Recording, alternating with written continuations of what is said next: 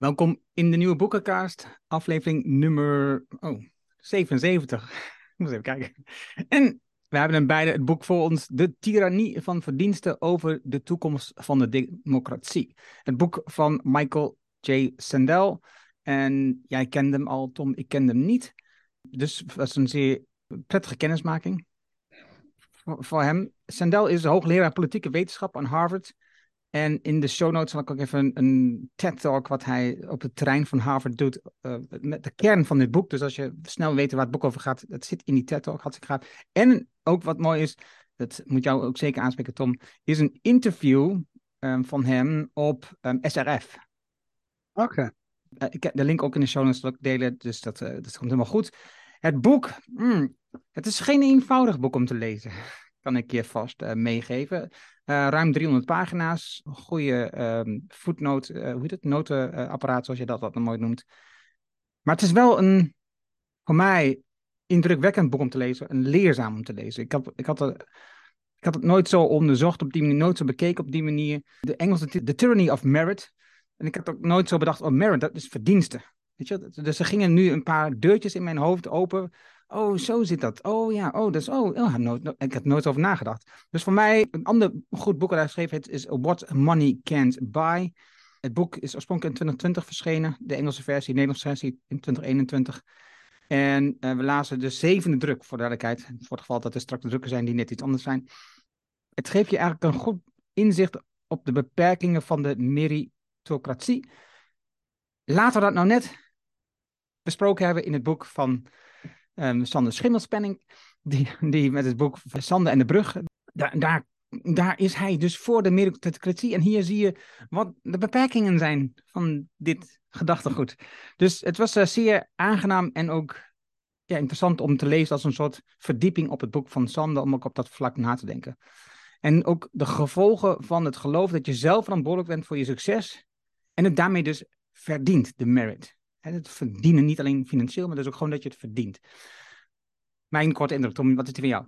Ja, ik denk dat het wel heel leuk is inderdaad voor uh, in de combinatie inderdaad met het boek van uh, Sander Schimmelpenning. Ja, goed, nou de mensen die natuurlijk al vaker naar ons geluisterd hebben, die weten dat ik een historische achtergrond heb. Ja, dus het is wel eh, een boek wat ik, wat ik graag inderdaad wilde bespreken.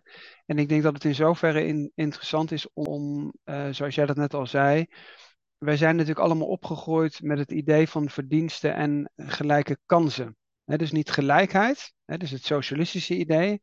Gelijkmakerij zeggen we soms in het Nederlands ook. He. Mest eroverheen en allemaal, allemaal, allemaal even groot. Nee, gelijke kansen is natuurlijk het oude, het oude liberale idee of het uh, liberale adagium, uh, doelstelling dat eigenlijk iedereen dezelfde kansen moet hebben om op die sociale ladder naar boven te klimmen. Dat is een beetje het idee waar we allemaal mee opgroeien. En dit boek is nou juist zo interessant om nu ja, eigenlijk het te lezen en ook te bespreken na, na Sanders boek, om juist die keerzijde en die, ja, daar eigenlijk een vraagteken achter te zetten. Nou, hij doet dat op een hele, in de titel al, de tirannie van de verdiensten of van de, van de meritocratie. Uh, ik vind het intellectueel, uh, intellectueel een zeer, zeer uh, prikkelend boek. Ja, dus de mensen die een beetje uitgedaagd willen worden en die zeggen van ja, maar ik ben precies ook met, met die doelstelling van, van die gelijke kansen opgegroeid in deze samenleving. ik denk dat voor die mensen dat echt wel een leestip is. Ja, nog één aanvulling nog, want ik heb wel een soort maar, en eigenlijk had ik bewaard tot het einde, maar ik wil even alvast nu zeggen, het is wel erg geschoold op de Anglo-Amerikaanse um, gedachte. Het, is, het, gaat, het gaat veel over de VS. Je ziet wel stukjes over Europa, Duitsland wordt genoemd, het Scandinavische landen genoemd, uh, uiteraard het Verenigd Koninkrijk wordt genoemd. Nederland wordt nooit genoemd in het boek. Het is niet zo vreemd, we zijn een klein land, dus dat snap ik wel. Maar dus dat, is denk ik een linkje waar je op moet letten. Dus, maar tegelijkertijd, ik denk dat er voldoende aanknopingspunten zijn om die link te leggen voor jezelf met Nederland. Want er zitten natuurlijk heel veel dingen die we hebben overgenomen uit Amerikaans gedachtegoed wat we wat mij betreft best mogen terugdraaien. Goed, um, na de proloog en inleiding kent het boek zeven hoofdstukken. Ik noem ze even op in het kort. Winnaars en verliezers. Groot want goed. Een korte geschiedenis van het eigen verdiensten. De retoriek van het opklimmen. Credentialisme. Het laatste aanvaardbare vooroordeel. Succesartiek. De sorteermachine en waardering voor werk. En dan sluit ik af met een korte Dat is namelijk de kortste hoofdstuk, conclusie. De inleiding. De inleiding begint met het verhaal over. Ik kan me haast niet voorstellen dat je het gemist hebt, maar een paar jaar terug was er een heel groot verhaal in de Amerikaanse pers. Maar dat is ook hier wel echt wat naar voren gekomen. De fraude van ouders die proberen hun kinderen op de elite-universiteiten binnen te loodsen. Het, toelatingsproces op de topuniversiteit in de VS is ingewikkeld. En de mensen, de ouders vooral, die zien dat ook als een hoofdprijs. Als, als je op, op de elite-universiteit uit bent gekomen, dan heb, je, dan heb je alvast gewonnen. En naarmate de ongelijkheid toenamt um, en ook de inkomenskloof tussen mensen met en zonder universitaire opleidingsgraad breder werd, nam de belang van die, het belang van die graad, van die universitaire ook toe. Dus de, druk zeg maar, om daar op te komen werd steeds groter en groter. En dus, ja, dus ook de weg naar fraude uh, neemt steeds meer toe. Het is, ja, er gingen miljoenen mee om. Het is ongelooflijk als je getallen ziet wat er gebeurt. Maar hij noemt ook uh, cijfers en hè, dat je hele goede cijfers hebt en legitieme referenties.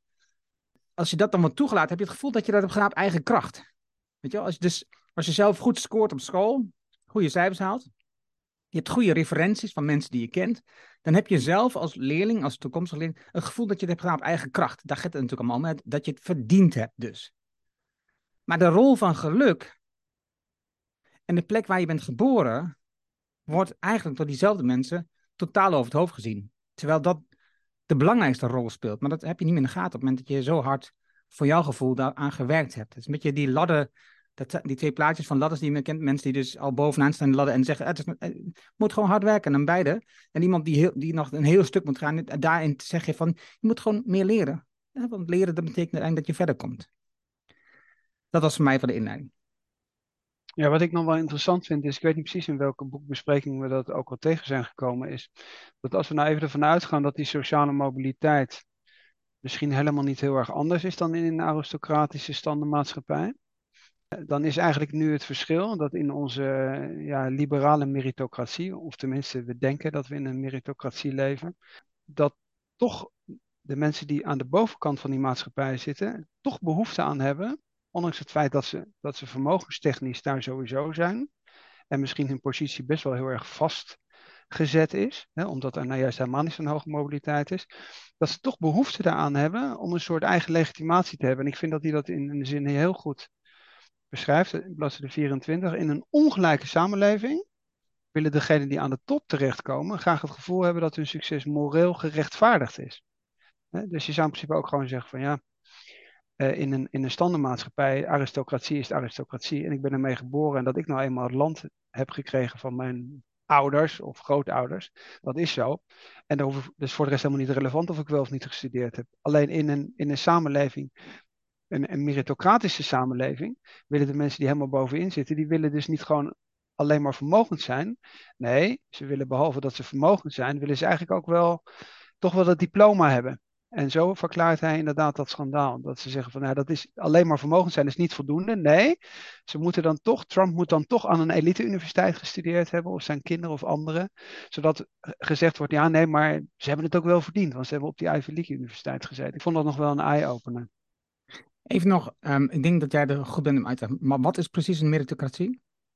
Nou, dat uiteindelijk de, de logica daarachter is dat je op basis van je verdiensten bovenop die sociale ladder bent beland. Dus dat dat nou juist niet iets is wat te maken heeft met groot grondbezit wat, wat je erft, maar dat uiteindelijk elke keer het startpunt min of meer voor iedereen gelijk is. Dat zou het theoretische optimum moeten zijn. En dat dan uiteindelijk bij maximale sociale mobiliteit de besten, tussen aanhalingstekens, op basis van hun verdiensten dan uh, bovenop de sociale ladder aankomen.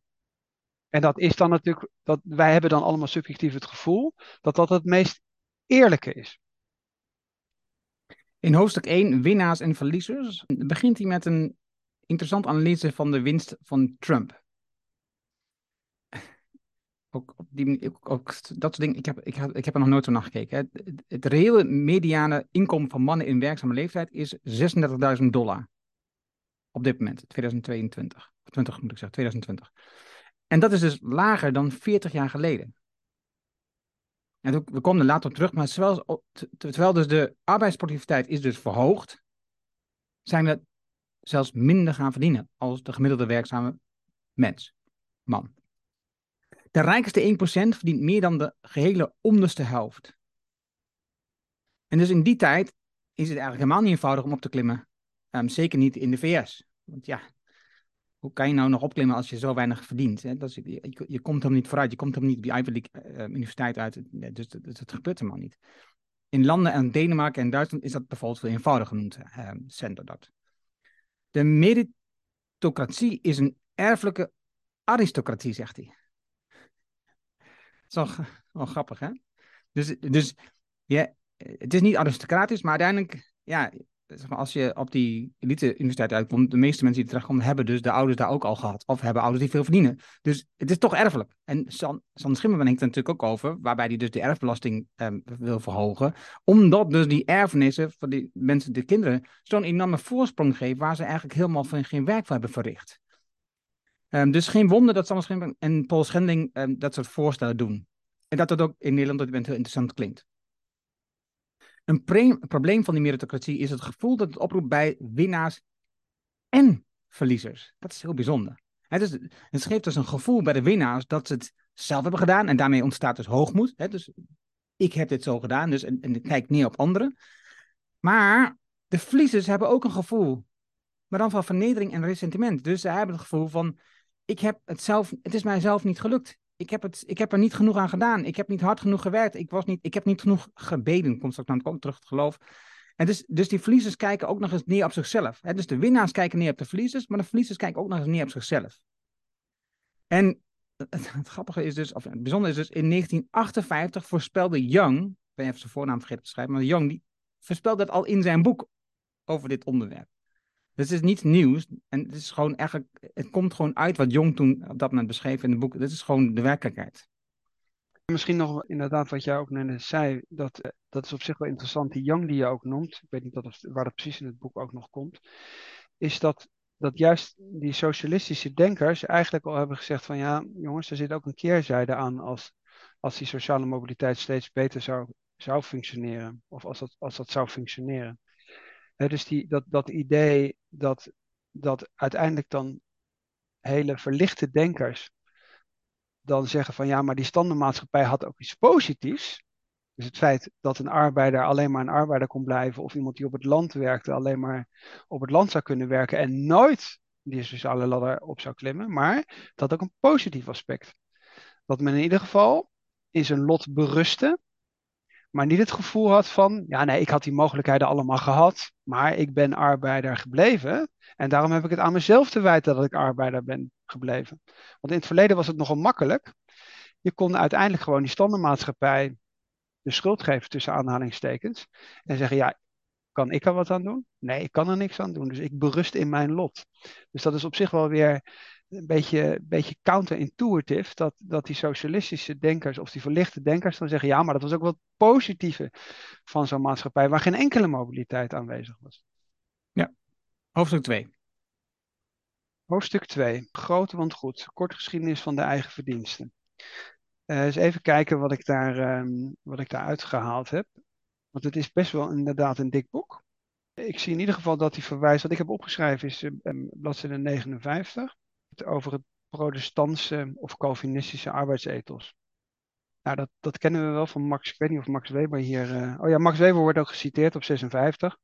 Dat is in principe eh, eigenlijk altijd de kern. Hè? Dus het idee dat je dat even heel kort door de bocht geformuleerd... Uh, als jij in de hemel wilt komen, dan moet je heel erg vlijtig doen en je best doen.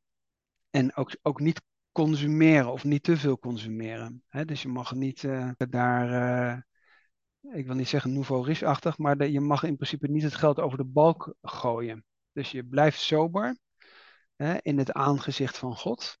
En je, je, je hebt eigenlijk helemaal geen andere mogelijkheid dan dat geld opnieuw verder te investeren in je bedrijf, waardoor het bedrijf nog groter wordt en je nog meer winst maakt. En dat is in principe het idee wat erachter zit. En daarom heet dat hoofdstuk groot, want, want goed. Dat is in principe wat ik uit dit hoofdstuk heb gehaald.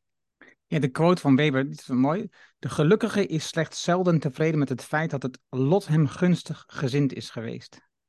Je moet hem drie keer lezen, zou ik zeggen, maar het is echt, het is echt een diepgaande zin, vind ik dat. En, en bijzonder ook wat je ziet in het boek wat hij terug, maar dat, dat herken je wel. Maar ik had die quotes niet zo nooit gezien. Dat ook de pastors en de, en de gelovigen, zeg maar, die, de, de, de voorlezers zeg maar, in de kerk in de VS, die hebben het nog steeds over uh, de goddelijke vergelding. Hij noemt dan uh, 9-11, hij noemt uh, Tahiti. En daarin zeggen die mensen, ja, maar het is logisch dat ons dat overkomt, want wij vermoorden zoveel baby's. Of het is logisch dat Tahiti het overkomt, want daar en dat gebeurt daar en daar allemaal. En het is echt, het is zo bijzonder dat je dat, dat je dat gelooft. Dat dat de werkelijkheid is, dat, je, dat rampspoed je overkomt omdat je zelf iets niet goed hebt gedaan. Nou, en dat trekt hij door in het hoofdstuk, want dan zeg je dus, het is geloven in het geloof wat je beloont met rijkdom en gezondheid. Dus als je maar genoeg gelooft en genoeg bidt en dat dingen, en je, en je leeft een goed leven, dan word je dus beloond met rijkdom en gezondheid. Maar ook daar zie je weer het probleem. Want wanneer je dus ziek of arm bent, dan geloof je dus gewoon niet genoeg. is, dan word je dus verweten dat je dus niet voldoende bezig bent op een goede manier met je geloof. Kijk maar, hè, je bent ziek, dus je, hebt, je, je, bent, je bent toch niet goed met je geloof. En dan ga je dus aan jezelf ook twijfelen. 60% van de Amerikanen gelooft dat wil, dat, dat, dat God wil dat mensen welvarend zijn ik vind het bijzonder dat je dat op dit moment nog steeds uh, gelooft. Ja, wat misschien nog wel interessant is, omdat jij in het begin ook even in de inleiding zei dat hij natuurlijk heel erg Amerikaans is. Ik ken Amerika eh, niet goed genoeg, want ik heb er nooit gewoond. Uh, ik ben alleen maar een geïnteresseerde lezer. En ik vind het wel interessant hoe hij bijvoorbeeld die tv-dominees en, en, en die sterke rol van het geloof in Amerika, dat zie je natuurlijk ook elke keer weer terugkeren bij verkiezingen, waar wij dan als Europeanen met grote verbazing naar staan te kijken. Hij legt dat wel op een hele interessante manier uh, ook uit hoe die dingen met elkaar verweven zijn. Dus hij zegt, wat hij uiteindelijk zegt is dat in het begin, hij schrijft hier in het begin van de 21e eeuw, bladzijde 67, zegt hij dat welvaartsevangelie, en dus eigenlijk, dus wat hè, Max Weber hebben het net over gehad, dat valt, dat valt eigenlijk nauwelijks meer te onderscheiden van die Amerikaanse droom. Dat, is, wordt eigenlijk, dat wordt eigenlijk over elkaar heen geschoven. En dat is qua framing is dat natuurlijk heel interessant. En, dat zien, en wij vinden dat natuurlijk ook vaak als Europeanen heel gek. Dat al die presidenten nog zo sterk elke keer de Bijbel en God en, en zo erbij halen. Maar, maar dat gaat dus veel dieper dan, oké, dat land is religieuzer. Nee, die framing van dat geloof en de Amerikaanse droom, dat is veel complexer dan ik, totdat ik dit boek had gelezen, uh, eigenlijk ja, kon bevroeden. Of uh, ja, dat, dat, ik, ik wist dat niet. Maar ik vind dat, dat, dat hij dat, dat heel goed uitlegt. Ja, eens. En ik heb nog twee dingen die ik wilde noemen. Dat gedachtegoed van dat je zelf verantwoordelijk bent voor dit soort zaken, dat zie je ook terugkomen in de discussie rondom verzekermaatschappijen op een bepaald moment. Mensen die ziek zijn, die kunnen we een hogere kosten in rekening brengen. Want zij zijn meer ziek, zij doen waarschijnlijk te weinig aan hun gezondheid. Je hebt veel mensen die obese zijn, die te weinig bewegen, Um, dus dat is een eigen schuld. Dus als die mensen hogere premies betalen, kunnen de kosten verlagen van de mensen die een goed leven leiden. En dit verhaal, dat is heel bijzonder, werd dus gedaan door John Mackey, de eigenaar van Whole Foods. Oftewel, die was um, tegen Obamacare, omdat hij vond dat de rijke, eh, de, de gezonde mensen, minder, dus dat zijn tegelijkertijd natuurlijk, want de rijkste mensen zijn ook altijd gezonde, want die kunnen namelijk wel bij Whole Foods kopen. En Whole Foods is namelijk een niet echt goedkope winkel. En, um, en, en hij zegt, we zijn allemaal verantwoordelijk voor onze eigen gezondheid. Ons en het eigen leven. Dus als je ziek hebt, dus, dan heb je het gewoon niet goed gedaan. Dat is je eigen schuld. Ja, dat is een bijzondere denkwijze. Ik wou zeggen absurd, maar de neoliberale versie van mondialisering ging ervan uit dat de wereldmarkt de onderlinge afhankelijkheid zou vergroten. Het is, doordat de wereldmarkt meer open ging, gingen ze ervan uit dat de onderlinge afhankelijkheid zou vergroten van de landen. En daardoor zou een aantal oorlogen verminderen en het nationalisme worden getemperd en mensenrechten worden bevorderd. Dat was de gedachtegang. Maar zegt Sendel, het is eigenlijk het tegendeel bewezen. Het is, het is niet minder geworden, het is zelfs meer geworden, het, nationalistische gedachte. De oorlogen zijn niet echt veel minder geworden. En de mensenrechten, mensenrechten zijn zeker niet verbeterd. Dat is een punt waar ik het niet met hem eens ben. Dus als je bijvoorbeeld ziet uh, hoeveel, uh, hoeveel doden er vallen, dus ik zie je soms op social media ook wel langskomen. En je kijkt gewoon in de loop van de tijd dan, dan is dat wel een afnemende, afnemende lijn. En dat idee dat je door handel, eh, dat het een positieve invloed zou kunnen hebben op het samenwerken met andere landen, ook het leren, leren kennen van andere landen. Ik weet niet of dat of, of je daar nou zo'n enorm vraagteken achter moet zetten. Wat ik, wat ik wel zie is, en dat is punt, dat punt van die Whole Foods eh, oprichter vond ik ook echt wel uh, ja, striking of echt wel confronterend. Het is, wat hij eigenlijk laat zien is dit, idee van die maakbaarheid. dus als je maar wilt, dan word je succesvol. Als je maar gezond leeft, dan word je niet ziek, et cetera. Maar het is natuurlijk allemaal veel, veel complexer. Want als jij kanker krijgt of zo, dan kun je wel zeggen, ja, bij roken en longkanker, daar kun je nog iets onder voorstellen. Maar er is natuurlijk gewoon heel veel genetische dingen. Of waar je toevallig bent opgegroeid. Of als je in Nederland naast Tata-stoel bent, Tata Steel bent opgegroeid, heb je ook een hogere kans dat je ziek wordt. Hè? Dat is even heel flauw, maar dat zijn, dat, is natuurlijk, dat zijn natuurlijk allemaal wel dingen die, die een rol spelen. Wat ik nou zo interessant vond is, uh, omdat dat hoofdstuk groot want goed heet, uh, en dat, dat valt ons natuurlijk wel op, is, uh, en daar verwijst hij weer naar de politiek, uh, en dat is een soort cirkelredenering op een gegeven moment. Amerika is groot omdat Amerika goed is, zegt hij dan. Dus terwijl we nou juist uit die statistieken weten dat Amerika nou juist op al die dimensies, alles wat je met VN-organisaties en zo neemt, hè, sociale mobiliteit en kindersterfte en gezondheid en levensverwachting en bla bla bla. Amerika is nooit, staat nooit bovenaan. Dus je zou eigenlijk zelfs moeten zeggen, en dat, daar is ook veel onderzoek naar gedaan. Daar gaan we overigens ook nog een boekbespreking over doen. De landen die heel erg klein zijn, die doen het nou juist naar verhouding veel beter. Of het nou productiviteit is, of minder dagen werken, hogere gezondheid, betere scholing, etc. Het Scandinavische model. En dat is eigenlijk ook wel wat jij in het begin van, het boek, van de bespreking ook al even zei. Dat is mijn allergrootste kritiekpunt aan het hele boek. Dat alles wat hij kritiseert, zou hij veel geloofwaardiger kunnen kritiseren als die permanent zou verwijzen naar Scandinavië. Dus bij de sociale mobiliteit is dat voorbeeld altijd, if you believe in the American dream, you should move to Denmark, omdat Denemarken de hoogste sociale mobiliteit heeft. En waar hier zegt Amerika is groot omdat het zo goed is, nee, juist die hele kleine landen, die doen het, die doen het zo goed. Alleen dat collectieve idee in Amerika, dat dat groot goed is, en het andere wat, ook, wat ook elke keer terugkomt is dat uiteindelijk de geschiedenis zich richt naar degene die, eh, zal maar zeggen, moreel gelijk heeft. Dat zijn van die hele dwingende ideeën die in die Amerikaanse cultuur zitten, die voor ons heel moeilijk zijn om te begrijpen. Uh, en hij, uh, ja, in principe 300 bladzijden uh, levert hij het ene voorbeeld na het andere levert hij aan. In hoofdstuk 3, de retoriek van het opklimmen, Um, wat ik als eerste had opgeschreven voor mezelf was: als ik veel verdiend heb en veel spullen kan kopen, dan moet ik die wel verdiend hebben. Succes is een teken van deugdzaamheid. Het hoofdstuk gaat over gelijkheid. Eh, als we mensen gelijke toegang geven tot onderwijs, gezondheidszorg, kinderopvang, etc., dan kunnen ze effectief met elkaar concurreren op de arbeidsmarkt en dus de productiviteit verhogen. Dat is de gedachtegang. Maar als de rijkste 1% meer geld binnenhaalt dan de helft van de bevolking met de, met de laagste inkomens, en het mediaaninkomen al 40 jaar stagneert, dan begint de mededeling dat je het met inspanning en hard werken ver kunt brengen, een beetje hol en leeg te klinken, zegt hij. Het is natuurlijk wel phrases die veel worden gebruikt in de uh, promotie, de campagnes zeg maar, rondom verkiezingen, komen dit soort dingen. Hij, hij haalt ook veel um, woorden aan die woordcombinaties die in campagnes zijn gebruikt om te laten zien hoe vreemd dat eigenlijk is en waardoor uiteindelijk eh, iemand als Trump aan de macht is gekomen het wordt eigenlijk um, ontmoedigender, omdat de achterblijvers hun mislukkingen aan zichzelf te wijt hebben.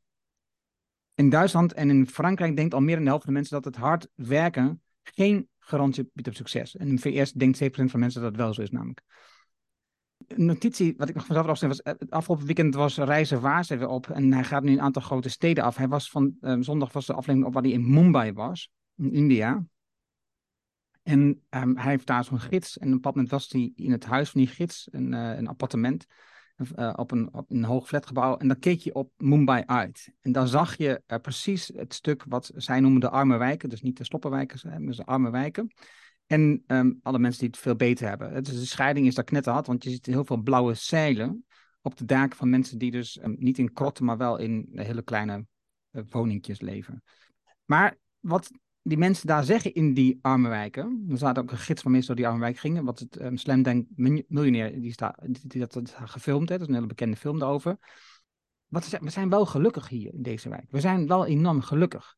En dat heeft met twee dingen te maken. Hè. Dus de, die armen weten dat ze nooit, wat je net zegt, in die, eh, zoals vroeger was. Hè, dus je weet, dit is de positie die ik heb en ik kom niet verder. Want het is nou zo ben ik nou geboren in deze positie. Dat, en dat accepteer ik, daar kan ik mee leven. Dus daar maakt het het leven een stuk minder zwaar.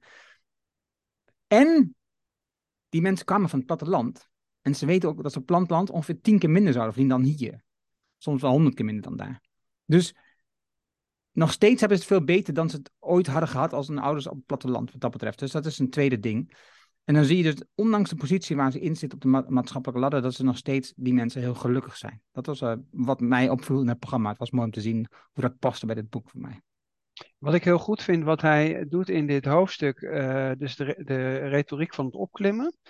Hij, en dat is ook als een, wat een rode lijn door dat boek gaat, is dat hij, hij het succes van Trump heel goed uitlegt. Dus hij zegt in principe dat opklimmen is eigenlijk een farce. Hè, dus die sociale mobiliteit, die, die, die, die meritocratie, die, die, ja, dat, is, dat is een idee fix, zou ik maar zeggen. En dan werkt hij heel veel met taal. En wat heel veel terugkomt in het boek is kwantitatieve analyse van hoe vaak bepaalde woorden in verkiezings. Uh, uh, of ja, eigenlijk door, door presidenten gebruikt worden. En wat ik nou het meest interessante vind, en daar hebben we het in een andere bespreking ook een keer over gehad, dat degene die dat het meest extreem doet, is Obama die heeft het eigenlijk het meeste over dat opklimmen, omdat hij zelf daar een product van is. Maar de grote kritiek die hij heeft op Obama is dat Obama dat niet weet te abstraheren en zegt van nou ik ben gewoon die uitzondering. En Obama maakt van zijn, van zijn eigen uitzondering, uh, herhaalt hij het zo vaak dat hij er zelf in gelooft. Of zegt van ja, maar ik wil dat het voor alle Amerikanen geldt. Terwijl de statistiek nou precies tegenover uh, zegt. En wat jij, waar jij net aan refereerde, is dat nou juist, het, het, en dat is eigenlijk een beetje, het, eigenlijk omge, omgekeerde is het geval. Dus in Frankrijk en in Duitsland zegt een heel groot gedeelte van de mensen inmiddels nee. Als je heel succesvol bent, dan heeft dat helemaal niks te maken met je eigen verdiensten. Terwijl daar de sociale mobiliteit veel hoger is in Amerika. En in Amerika is het precies omgekeerd. En dat legt Sendel heel interessant uit. Dat het, en daar gebruikt hij ook Duitsland en Frankrijk voor. Om eigenlijk uit te leggen dat, dat in Amerika men in iets gelooft wat niet meer bestaat. En omgekeerd in Frankrijk en Duitsland. Men zegt van ja, nee, maar die kansen heb ik helemaal niet. Terwijl juist in Frankrijk en Duitsland die kansen nog hoger zijn. Dan verwijst hij tussendoor ook even naar John F. Kennedy.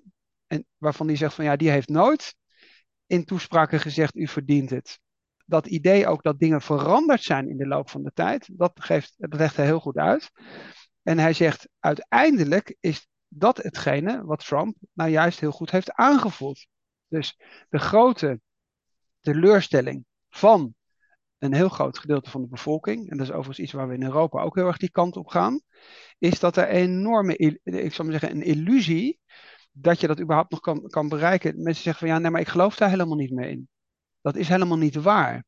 En dat is wat Trump heel goed heeft aange, aangevoeld. En dan legt hij in principe heel goed uit tussen Hillary Clinton en Donald Trump. En Donald Trump, dat is op bladzijde 102. En die zegt van ja, Donald Trump heeft helemaal niet over opklimmen. Hij heeft het over dat, eigenlijk heeft hij het gewoon over dat die mensen ontgoocheld zijn. En die weet, die weet de juiste toon heel erg, heel erg te raken. En die zegt van ja, jullie zijn verraden door de meritocratische elites door de mensen die allemaal op die Ivy League universiteit heeft gezeten. Hoewel Trump daar natuurlijk zelf ook op heeft gezeten. Dat is natuurlijk, dat is natuurlijk de, de, het, het, het, eigenlijk het gênante daaraan, zal ik maar zeggen. En dan wordt eigenlijk uitgelegd ja, dat Trump natuurlijk die supporters heeft. Maar dat is hetzelfde voor Brexit overigens ook. Dat zijn de mensen die eigenlijk gewoon ontkoppeld zijn, teleurgesteld zijn en eigenlijk alleen nog maar door hun proteststem eigenlijk kunnen zeggen van nou, ik ga, ik ga toch mijn gelijk halen door een man als Trump te verkiezen door voor Brexit te zijn. Dat is in principe wat hij, vind ik, heel goed uitlegt. Hoofdstuk 4. Credentialisme, het laatst aanvaardbare vooroordeel. Dus even kijken wat ik daar, uh, wat ik daar allemaal uitgehaald heb. Wat mij ook wel een beetje spiegel heeft voorgehouden is, ik weet niet precies of ik denk dat het hier ook in staat, want het gaat eigenlijk om, uh, om je diploma's, credenties. Hij zegt van ja, eigenlijk is het de enige vorm van discriminatie die nog over is en ook, en ook geaccepteerd is. dus je mag, ik weet niet of dat in dit hoofd is, is dat hij ook alles uitlegt wat met smart en zo te maken heeft. Komt dat hierin terug of komt het pas later? Waar uiteindelijk elke keer die connectie wordt gemaakt met intelligent. Is iets intelligent of niet? Dus er wordt eigenlijk, hè, dus smart intelligence en uh, smartphone en weet ik wel, alles is smart.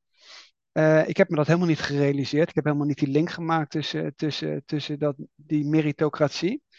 Maar dat, dus, het gaat dus best wel ver. Hè? En ik heb een, een, smart stofzuiger en ik heb een smart electronics, et cetera. Dus elke keer wordt maar gezegd van ja, smart en dom. Uh, wat je natuurlijk in Nederland ook de discussie hebt over theoretisch opgeleid en praktisch opgeleid. Dus, dus die permanent mensen voorhouden, eigenlijk ook indirect dat ze dom zijn, dat is eigenlijk wat hier gebeurt. En hij zegt ja, eigenlijk, eigenlijk is dit een vorm van discriminatie. Die als je uitzoomt en zegt van ja, wat geef je eigenlijk het recht jouzelf beter te vinden dan iemand anders, omdat jij misschien theoretisch dingen kunt, maar iemand anders kan iets met zijn handen, wat geeft je eigenlijk dat recht dat te vinden? Maar dat is natuurlijk iets wat heel, tenminste normaal tussen aanhalingstekens, wat eigenlijk gewoon permanent in onze, in onze hele samenleving uh, gebeurt. En waar eigenlijk maar heel zelden een enorm vraagteken achter wordt gezet. Ik vond het uh, interessant, wat in het begin was een stuk van Thomas Frank. Voor de liberale klasse is elk groot economisch probleem een onderwijsprobleem. Omdat de verliezers er niet in geslaagd zijn om zich de juiste vaardigheden eigen te maken. Wat ze daarmee zeggen is eigenlijk, de ongelijkheid is geen systeemfout. Nee, het is je eigen schuld. Of die stijgende productiviteit had eerder gehad. Wat ze zeggen is ook dat de, uit, wat hij zegt is ook de uitdaging van de maatschappelijke status van mensen die niet gestudeerd hebben. Dus de middenkategorische elite, die zeggen impliciet dat iedereen zonder academisch diploma zelf schuld hebben aan hun strenge en onbarmhartige klimaat van de wereldeconomie. En Ampassant pleiten zich daarmee zelf vrij voor de verantwoordelijkheid van het economisch beleid dat ze zelf hebben ingevoerd of waar ze juist heel veel geld mee verdienen. Hè, wat je net al zei, credentialisme is een geniepige vorm van discriminatie gericht tegen mensen die niet gestudeerd hebben. En als laatste wat in het opvalt is, hè, dus hij, hij, laat ook in de regeringen zien, in, verschillende overheden, wat aan percentage aan hoger opgeleiden in zit. Nou, eigenlijk bijna elke regering die hij opnoemt, daar zitten, daar zitten eigenlijk alleen nog maar hoger opgeleiden in. Mensen met universitaire opleiding of in ieder geval een hoge opleiding. Het is dus bijna 100% van de hoogopgeleiden die in zo'n regering zitten, dus het is een klein percentage van de mensen die daarin zit, die besluiten dus voor de mensen, 70% van de mensen die dus niet hoogopgeleid zijn. Ze hebben helemaal geen relatie meer met die mensen eigenlijk. Ze hebben daar nooit een onderdeel van uitgemaakt. Nou, dat, dat was ook al voor mij een bijzondere conclusie, dat je dat ziet. En het, geldt in Nederland exact hetzelfde. Ook onze um, regering bestaat eigenlijk gewoon vooral uit hoogopgeleiden. Maar ook de Nederlandse bevolking bestaat uit 2% van mensen die niet hoogopgeleid zijn. Dus...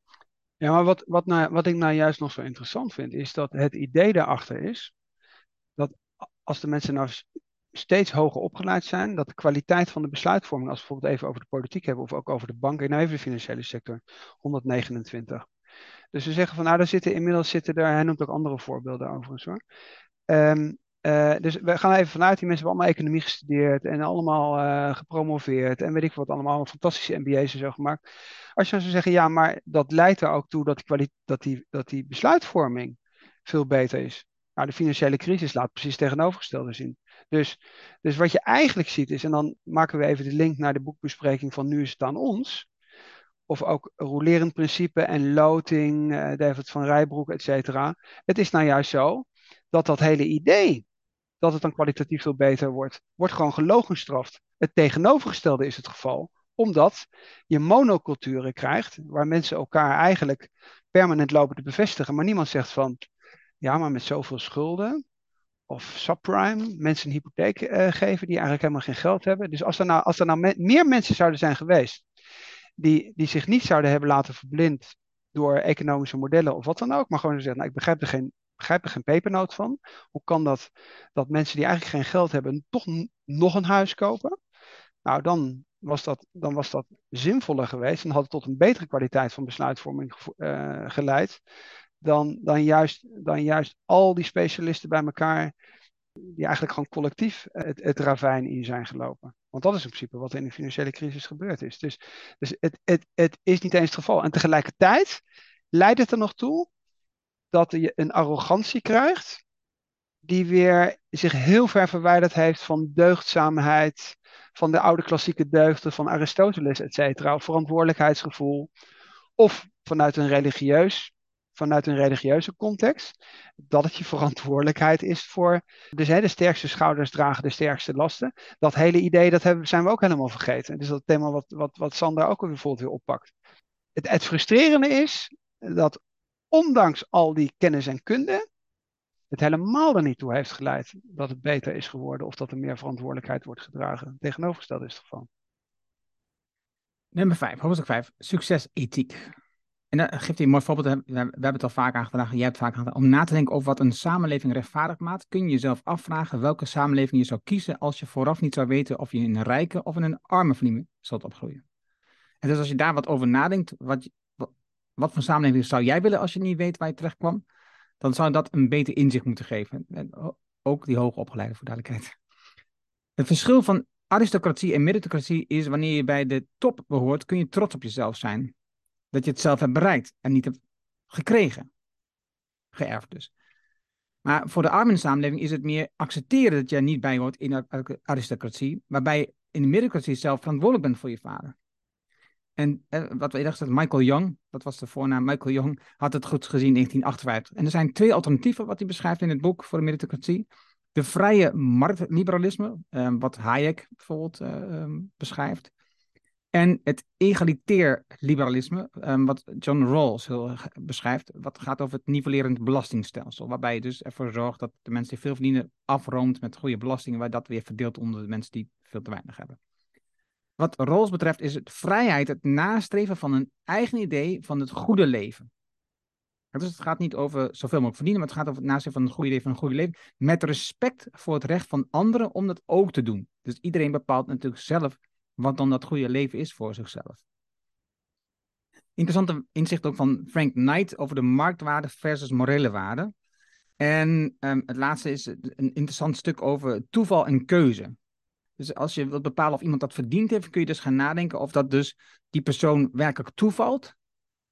Dat het dus geluk is, of dat het een hele bewuste keuze is. Om maar even een voorbeeldje te noemen. Is alcoholisme een keuze van jezelf, of is dat pech? Is het dus, heeft het te maken met toeval? Is het je eigen schuld dat je overkomen is, of is het je gewoon overkomen? Dat zijn hele lastige vragen om gewoon een eenvoudig antwoord op te geven. En dus, dus dat is een vraagstuk die dus in, in dat eh, stuk in het egalitaire liberalisme naar voren komt. Maar het is eigenlijk helemaal niet zo eenvoudig om dat goed te organiseren. Want hoe kun je nou makkelijk bepalen, als je aan iemand vraagt, is dit nou jouw schuld dat je nou alcoholist bent? Dat is, dat is heel ingewikkeld. Hè? Dus het is heel ingewikkeld om zelf te bepalen, dit is mijn schuld of dat is gekomen wat er allemaal in mijn verleden is gebeurd. Hè? Dus dat zijn, ja, ik denk hele lastige vragen om te goed te beantwoorden. Wat ik een heel positief, ook goed voorbeeld vind, wat eigenlijk het, hetzelfde wil aangeven is, als je nou zegt van ja, het is verdiensten, maar verdiensten hebben toch iets met talenten te maken, dan is de vraag van ja, als jij nou bent geboren met een bepaalde intelligentie waar je toevallig in onze samenleving een hoge prijs voor betaald krijgt, in positieve zin. Wat overigens ook een kwestie is van, van, van tijd en plaats. Dus onder de middeleeuwen was het heel belangrijk dat je muziek kon maken. Nou, dus als je aan muzikaal bent, dan, uh, ja, dan maakt dat op dit moment misschien niet zo heel veel uit. Maar in de middeleeuwen, of verhalen vertellen. Dus hij noemt best wel van, eh, van dat soort voorbeelden, of sport, et cetera. Dus de vraag is van ja, talent is dat dan een verdienste? Als jij basketballer bent, die, die, jongens die zijn allemaal, even over mannen, dat zijn allemaal relatief grote mannen. Dus als jij klein bent, dan kun jij best wel graag basketbal willen spelen, maar de kans dat je het dan voor elkaar krijgt is natuurlijk toch niet zo groot. Omdat jij twee meter bent. En hij noemt wel meer van dat soort dingen. Wat je eigenlijk ook wel een beetje aan het denken zet. Dus als jij nou, eh, als jij nou eh, toevallig geboren bent met goede mathematische vaardigheden, ja, heb je dan niet gewoon geluk gehad? Want bij, als, je, als je negatieve dingen hebt als alcohol, et cetera, dan gaan de mensen zeggen, ja, maar kijk maar, de, er zijn ook mensen die zijn heel gedisciplineerd en die kunnen wel van de fles afblijven. En iemand anders in dezelfde situatie pakt wel die fles. Dus het is gewoon een, het is gewoon een, een hij is gewoon zwak. Hè? Als we even zeggen dat het, dat het een mannelijke alcoholist en zo is. Maar bij die talenten die je van je geboorte meekrijgt, is het natuurlijk nog moeilijker. Nummer 6. De sorteermachine. Ik heb hier niet iets heel specifieks uit. Uh, Nee, dit, dit gaat vooral over de rol van universiteiten. dus zij zijn eigenlijk de voorsorteerder op de goede posities en de banen in de maatschappij. Maar het is dus heel ingewikkeld voor de arme mensen. En eigenlijk gaat het voorbeeld in het begin ook over, hè, dus dat, je, dat daar die fraude wordt gepleegd. Maar het is dus heel ingewikkeld voor die armen op die elite-universiteiten uit te komen. Dat je, daardoor wordt dat je daarvoor wordt gesorteerd. En hij noemt bijvoorbeeld de SAT, de SAT, het is de, de Standard Rating, wat is het ook weer? Standard nog wat, in ieder geval, dat is, hè, dat is een test die iedereen doet uh, voordat je aan de universiteit gaat. Die geeft eigenlijk meer een indicatie van wie voldoende middelen heeft om zich daar goed op voor te bereiden, dan dat werkelijk een indicatie geeft van iemands intelligentie. In het hoofdstuk laat ik zien dat de mensen die worden toegelaten op die elite-universiteit eigenlijk, en dat heb, je, dat heb je in het voorgesprek ook al, eigenlijk een heel zwaar leven hebben. ze zijn continu bezig met activiteiten vanaf jongs af aan om te laten zien dat zij straks die plek verdienen. Om even die link maar te maken. Um, en, en ze moeten dus continu werken. Ze hebben eigenlijk bijna geen sociaal leven. En continu werken om daar bij die top te horen. En ook te blijven bij die top. En ook als iemand op de universiteit zit, dan zit ze in het ritme om ook bij die top te willen blijven. wat er dus uh, wat geconstateerd is, het aantal zelfdodingen in die groep neemt dus gewoon toe. Het is steeds mensen plegen zelfdoding omdat ze die continu druk ook ervaren. En eigenlijk alleen maar bezig zijn met tot de top behoren. En als dat niet meer lukt, dat je dus een probleem krijgt. Een Sandel stelt als alternatief voor een loting. Een loting voor mensen die kunnen worden toegelaten tot die universiteiten. En daarmee um, verander je eigenlijk ook de gelijkwaardigheid. Dus je, je, maakt, je maakt dat veel gelijkwaardiger toelatingsproces. Uh, en daarmee kun je bijvoorbeeld ook ervoor zorgen dat mensen uit verschillende lagen bevolking op de school kunnen gaan. Dat je mensen kunnen ontwikkelen die eigenlijk dat, die middelen niet op dat moment hebben. Daarnaast zegt hij, moet er ook een, uh, stoppen met de afbraak van het openbaar hoog onderwijs. Hè, dus de openbaar hoog onderwijs is er wel, maar dat wordt afgebroken om die elite-universiteiten krijgen eigenlijk alle middelen op dit moment. Net zoals de verwaarlozing van de technische en beroepsopleiding, daar moeten ze ook mee stoppen. Dus ook dat is een aspect wat hij noemt als een tegenhanger om niet alleen maar de elite-universiteiten um, de, de toelating te veranderen, maar ook zeg maar, de andere scholing meer waarde mee te geven, ook weer op te waarderen. Dat zijn dingen die hij noemt om ervoor te zorgen dat je de sorteermachine wat gaat veranderen. Uh, wat me weer te binnen schiet is wat ik, vooral in die laatste hoofdstukken vond ik het eerlijk gezegd storend worden eh, dat die het Europese model niet neemt. En wat je hier natuurlijk ziet is dat we nemen bijvoorbeeld Nederland. Nou, het kan best zijn dat je voor een bepaald vak, dat een bepaalde universiteit misschien hoger aangeschreven staat, maar uiteindelijk onder de streep, of je nou in Groningen, Maastricht of Utrecht of waar dan ook gestudeerd hebt, als we het even over universiteit hebben, maakt uiteindelijk allemaal niet zo heel veel uit. Eh, dat is in Amerika natuurlijk heel anders. Dus eigenlijk zou je gewoon moeten uitzoomen. Uh, daar zoomt hij niet op uit. Hij zoomt ook niet uit op het collegegeld, wat je gewoon zou moeten afschaffen. Het zou gewoon openbaar onderwijs moeten zijn. Dan ben je toch weer bij Sander Schimmelpenning. Ja, hij zit toch wel heel erg in, het, in dat raster van de VS. Gaat te weinig op afstand om eigenlijk te zien dat er in de meeste landen op de wereld, waar je wel gewoon normaal toegankelijk onderwijs hebt en waar je niet zulke absurde collegegelden uh, moet betalen, dat dat allemaal veel beter functioneert. En het tweede punt is natuurlijk dat beroepsonderwijs, als ik bijvoorbeeld vooral naar Duitsstalige landen en zo kijk, maar dat was in Nederland vroeger ook, daar was natuurlijk de kwaliteit van het beroepsonderwijs, vakmanschap is meesterschap, met technische opleidingen, waarna dan mensen een, echt, echt een goed handwerk beheersten, daar werd ook heel goed geld mee verdiend omdat die arbeiders, tussen aanhalingstekens, niet arbeiders waren die alleen een lopende band en een ene simpele handeling konden doen. Nee, dat waren hoogopgeleide mensen die, of het nou de automobielindustrie is, of technische bedrijven, et cetera, maakindustrie. Dat zijn ongelooflijk goed geschoolde mensen, maar veel praktischer dan de theoretische universiteitsopleiding. En het is nog steeds zo, dat bijvoorbeeld in Zwitserland en in Duitsland, et cetera, maar ik denk echt wel continentaal Europa, er heel veel mensen zijn met een hele goede beroeps, beroepsopleiding, die waarschijnlijk ook qua salaris beter verdienen dan een hele hoop mensen die een universitaire titel hebben. Zeker als ik naar de alfa-wetenschappen kijk. Dus ik heb dat in dat hoofdstuk echt wel gemist. Wat inderdaad wel interessant is, dat, waarom komt hij daarmee? Die, en die, en dat, dat zei je ook net. Het interessante is nou juist dat die geprivilegeerde jeugd er slechter aan toe is inmiddels qua gezondheid dan uh, de arbeidskinderen. Dus hij zegt in principe, ja, doe dan maar loting. Dan hebben, de, dan hebben die kinderen allemaal weer een gelukkigere jeugd dan dat ze op dit moment hebben. Ja, en de koppeling die je net maakt is echt gelijk met waardering voor werk, hoofdstuk 7. Um, ehm, daar zie je dus dat, dat de waardering voor werk is afgenomen. Hè, dus zeker vooral voor de ongeschoolde arbeider. En daar, jij geeft net aan, daar had hij beter ook breder kunnen kijken. Wat je net zegt, hè, Duitsland, Zwitserland, andere landen in Europa. Waarbij dus de geschoolde arbeid juist heel veel waarde is voor het werk wat ze doen. Je ziet het een beetje terugkomen. Het is zo'n klein percentage hè, waar handwerk weer wordt gewaardeerd, waar, waar het, eh, het regionaal, het, lokale wordt gewaardeerd. Dat komt een beetje terug, maar dat is nog echt, echt in, in het beginstadium van de opmars. Hopelijk treedt dat meer door. Terwijl, wat hij dus ook heel goed schetst, is de waarde van de financiële wereld is enorm gestegen. Dus de mensen in de financiële omgeving, zoals jij, Tom, zitten, die waren dus enorm gestegen. En daar heeft hij uh, in een hoofdstuk bepaald ook wel makers en graaiers. Het verschil tussen makers en graaiers. Maar de financiële mensen die doen niet anders dan geld rondpompen. En eigenlijk leveren ze helemaal niks aan waarde. Hè? Dus, dus ze, ze, maken niets. Het zijn vooral de graaiers die het geld binnenhalen. Om jou even op een stoel te krijgen, Tom. Als we waardigheid van werkelijk vernieuwen, hernieuwen, moeten we de sociale verbanden repareren. Dat is wat hij afsluit in het hoofdstuk. Ja, wat, je, wat wij natuurlijk uh, ook al vaker over hebben gehad, is als je bijvoorbeeld even zou uitzoomen en je zou zeggen, oké, dat doet hij bijvoorbeeld, vind ik, niet goed. Uh, als je gewoon bijvoorbeeld zou kijken, oké, wat voegt nou waarde toe? Hè, in de zin van, oké, wat, wat, wat creëert voor een samenleving veel waarde? Dan zijn we altijd weer bij die cruciale beroepen waarvan ik het elke keer weer zo interessant vind. Hè? Het is toch altijd weer de taal. Waarom heten die beroepen cruciaal?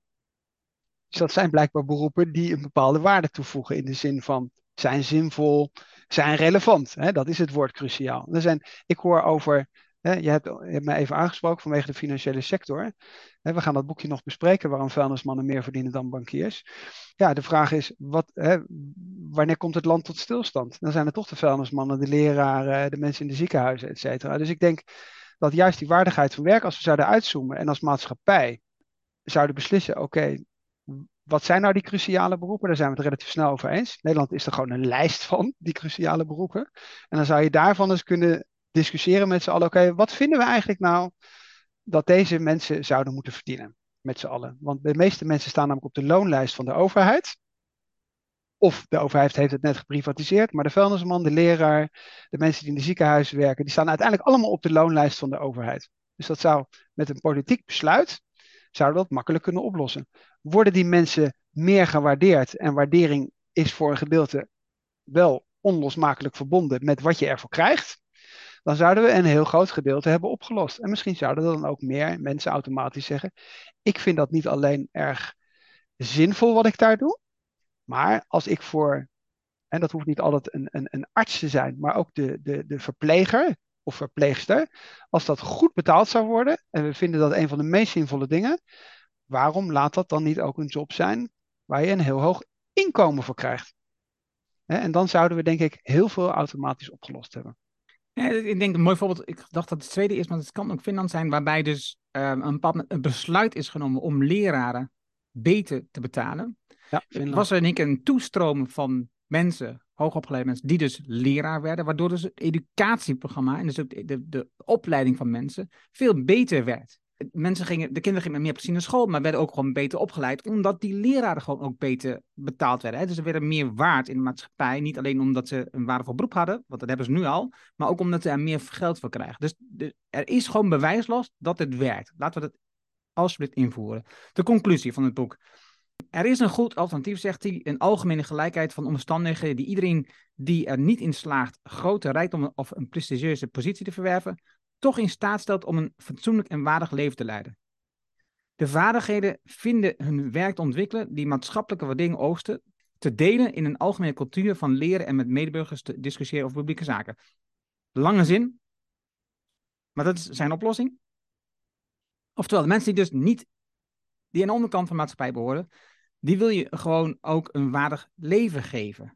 En die wil je dus de vaardigheden meegeven, niet per se met opleiding, maar de vaardigheden meegeven om een maatschappelijke waardering te oogsten in de maatschappij. En ook niet alleen dat, maar ook dus een cultuur en omgeving te creëren waar ze dus met elkaar in discussie kunnen gaan over publieke zaken. Je noemde net al het boekje, nu is het aan ons. Maar ook wat je net zei, het verschil, dus dat je mensen gewoon goed beloont die een cruciale job hebben. Dat soort zaken. Mensen die dus eigenlijk nu onderaan staan een waardig leven geven door gewoon daar een andere invulling aan te geven, ook een andere waardering aan te geven. Niet één per se financieel, maar ook gewoon dat we met elkaar zeggen, dit is gewoon een waardevolle job. Dat is gewoon, die, dat betekent veel voor ons. Overigens, in Mumbai was het ook het geval, hè? dus de, de mensen die op de hoge positie, die realiseerden zich heel erg dat die mensen die dus in die arme wijken wonen, heel belangrijk voor hun waren. Want zij doen heel veel van hun werk. Ik denk dat dat, dat dat belangrijk is, dat, want dan word je als mens op die positie ook gewoon gewaardeerd, dat mensen snappen dat het belangrijk werk is wat je verricht.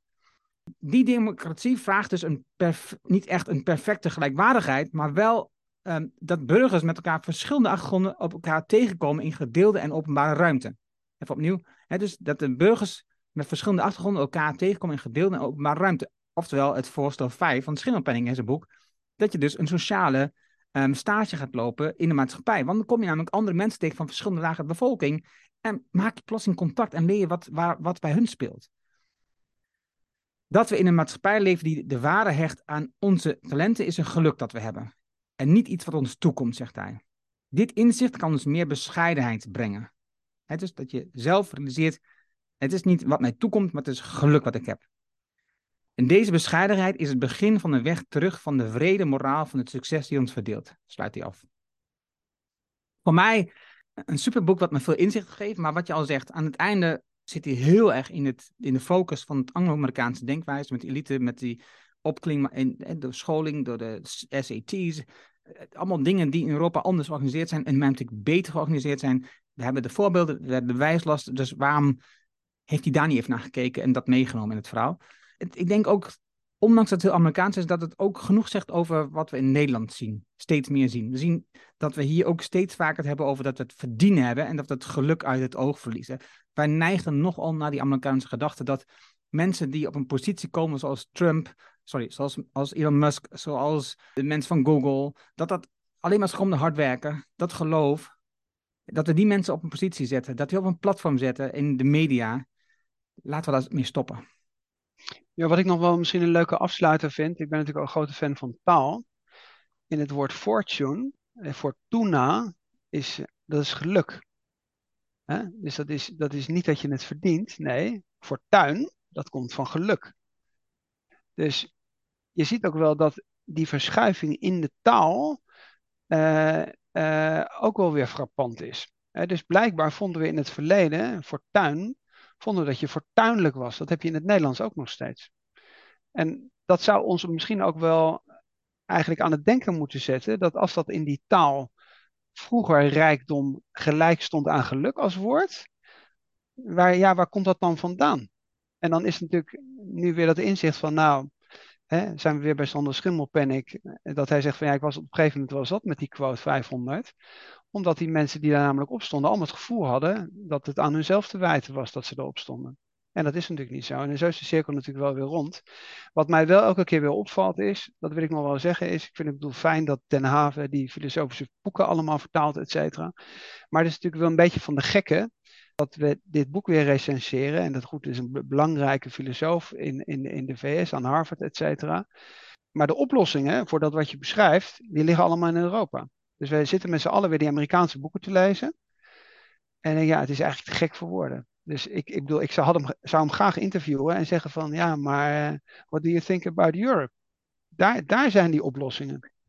Gelukkig hebben we ook Nederlandse boeken uh, laatst zijn besproken, zoals die van Paul Schendelingen, zoals Charles Roeters of uh, de, de, de, Sander Schimmelpenning. Sander Schimmelpenning. Dus we doen ook Eva een alternatief. Rovers. Wat dat betreft Eva Rovers. Dus we hebben ook de alternatieven. Maar en ik denk dat dat de kracht is van wat wij doen, wat jij inbrengt ook uh, met de boeken die jij, die jij inbrengt, die ik niet ken van auteurs is dat we beide kanten bekijken. Dat we ook de andere kant. En dat was dus voor mij wat dit boek zo bijzonder maakte. Dat ik een, een beter beeld kreeg over de inhoud van meritocratie en ook de gevaar daarvan. Wat ik me, hè, want Sander zegt in zijn boek in het begin. Ik ben daar nog steeds een groot voorstander van het kapitalisme en de meritocratie. En, en, en nu realiseer ik me, oh, er zit ook haken en ogen aan. Laten we daar even op letten wat er gebeurt. Ja, klopt. Hij, uh, Sander kent overigens het boek. Mooi. Wij vonden het weer fijn om dit met elkaar te bespreken. En wij danken je hartelijk voor het luisteren. Deel gerust deze aflevering met mensen die van je denkt, ah, die moeten dit boek lezen, omdat zij nogal geloven in hun eigen um, verdiensten in plaats van in het geluk waar op de plek waar ze teruggekomen zijn. Het lijkt me een fantastisch boek voor die mensen om te lezen. En we zien je graag, of we horen je graag weer in een volgende aflevering. Dankjewel, Tom. Ja, dankjewel, Enno.